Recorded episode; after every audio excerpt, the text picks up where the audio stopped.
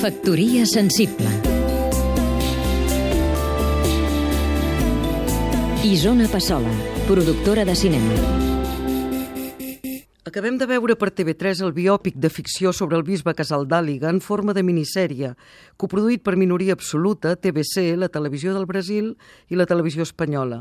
La coproducció, és a dir, compartir el finançament entre dos o més països, ha estat un sistema habitual de produir pel·lícules i té ple sentit quan el guió de la història ho requereix i és útil per repartir els costos.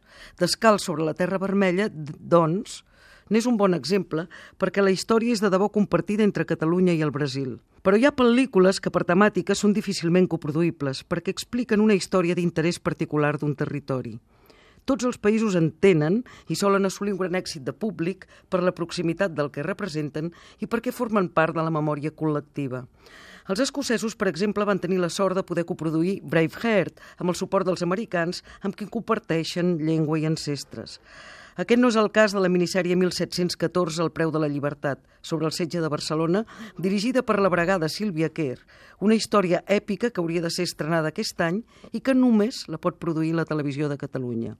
Està a punt per ser rodada en mans de bons professionals que sabrien combinar bé l'austeritat pressupostària que els temps requereixen amb el bon gust i ja té el pressupost reservat per TV3 per dur-la a terme.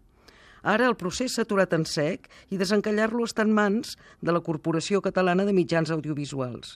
Que això es resolgui és un clam de la professió en pes i els ciutadans també s'ho mereixerien, oi? Factoria sensible Seguim-nos també a catradio.cat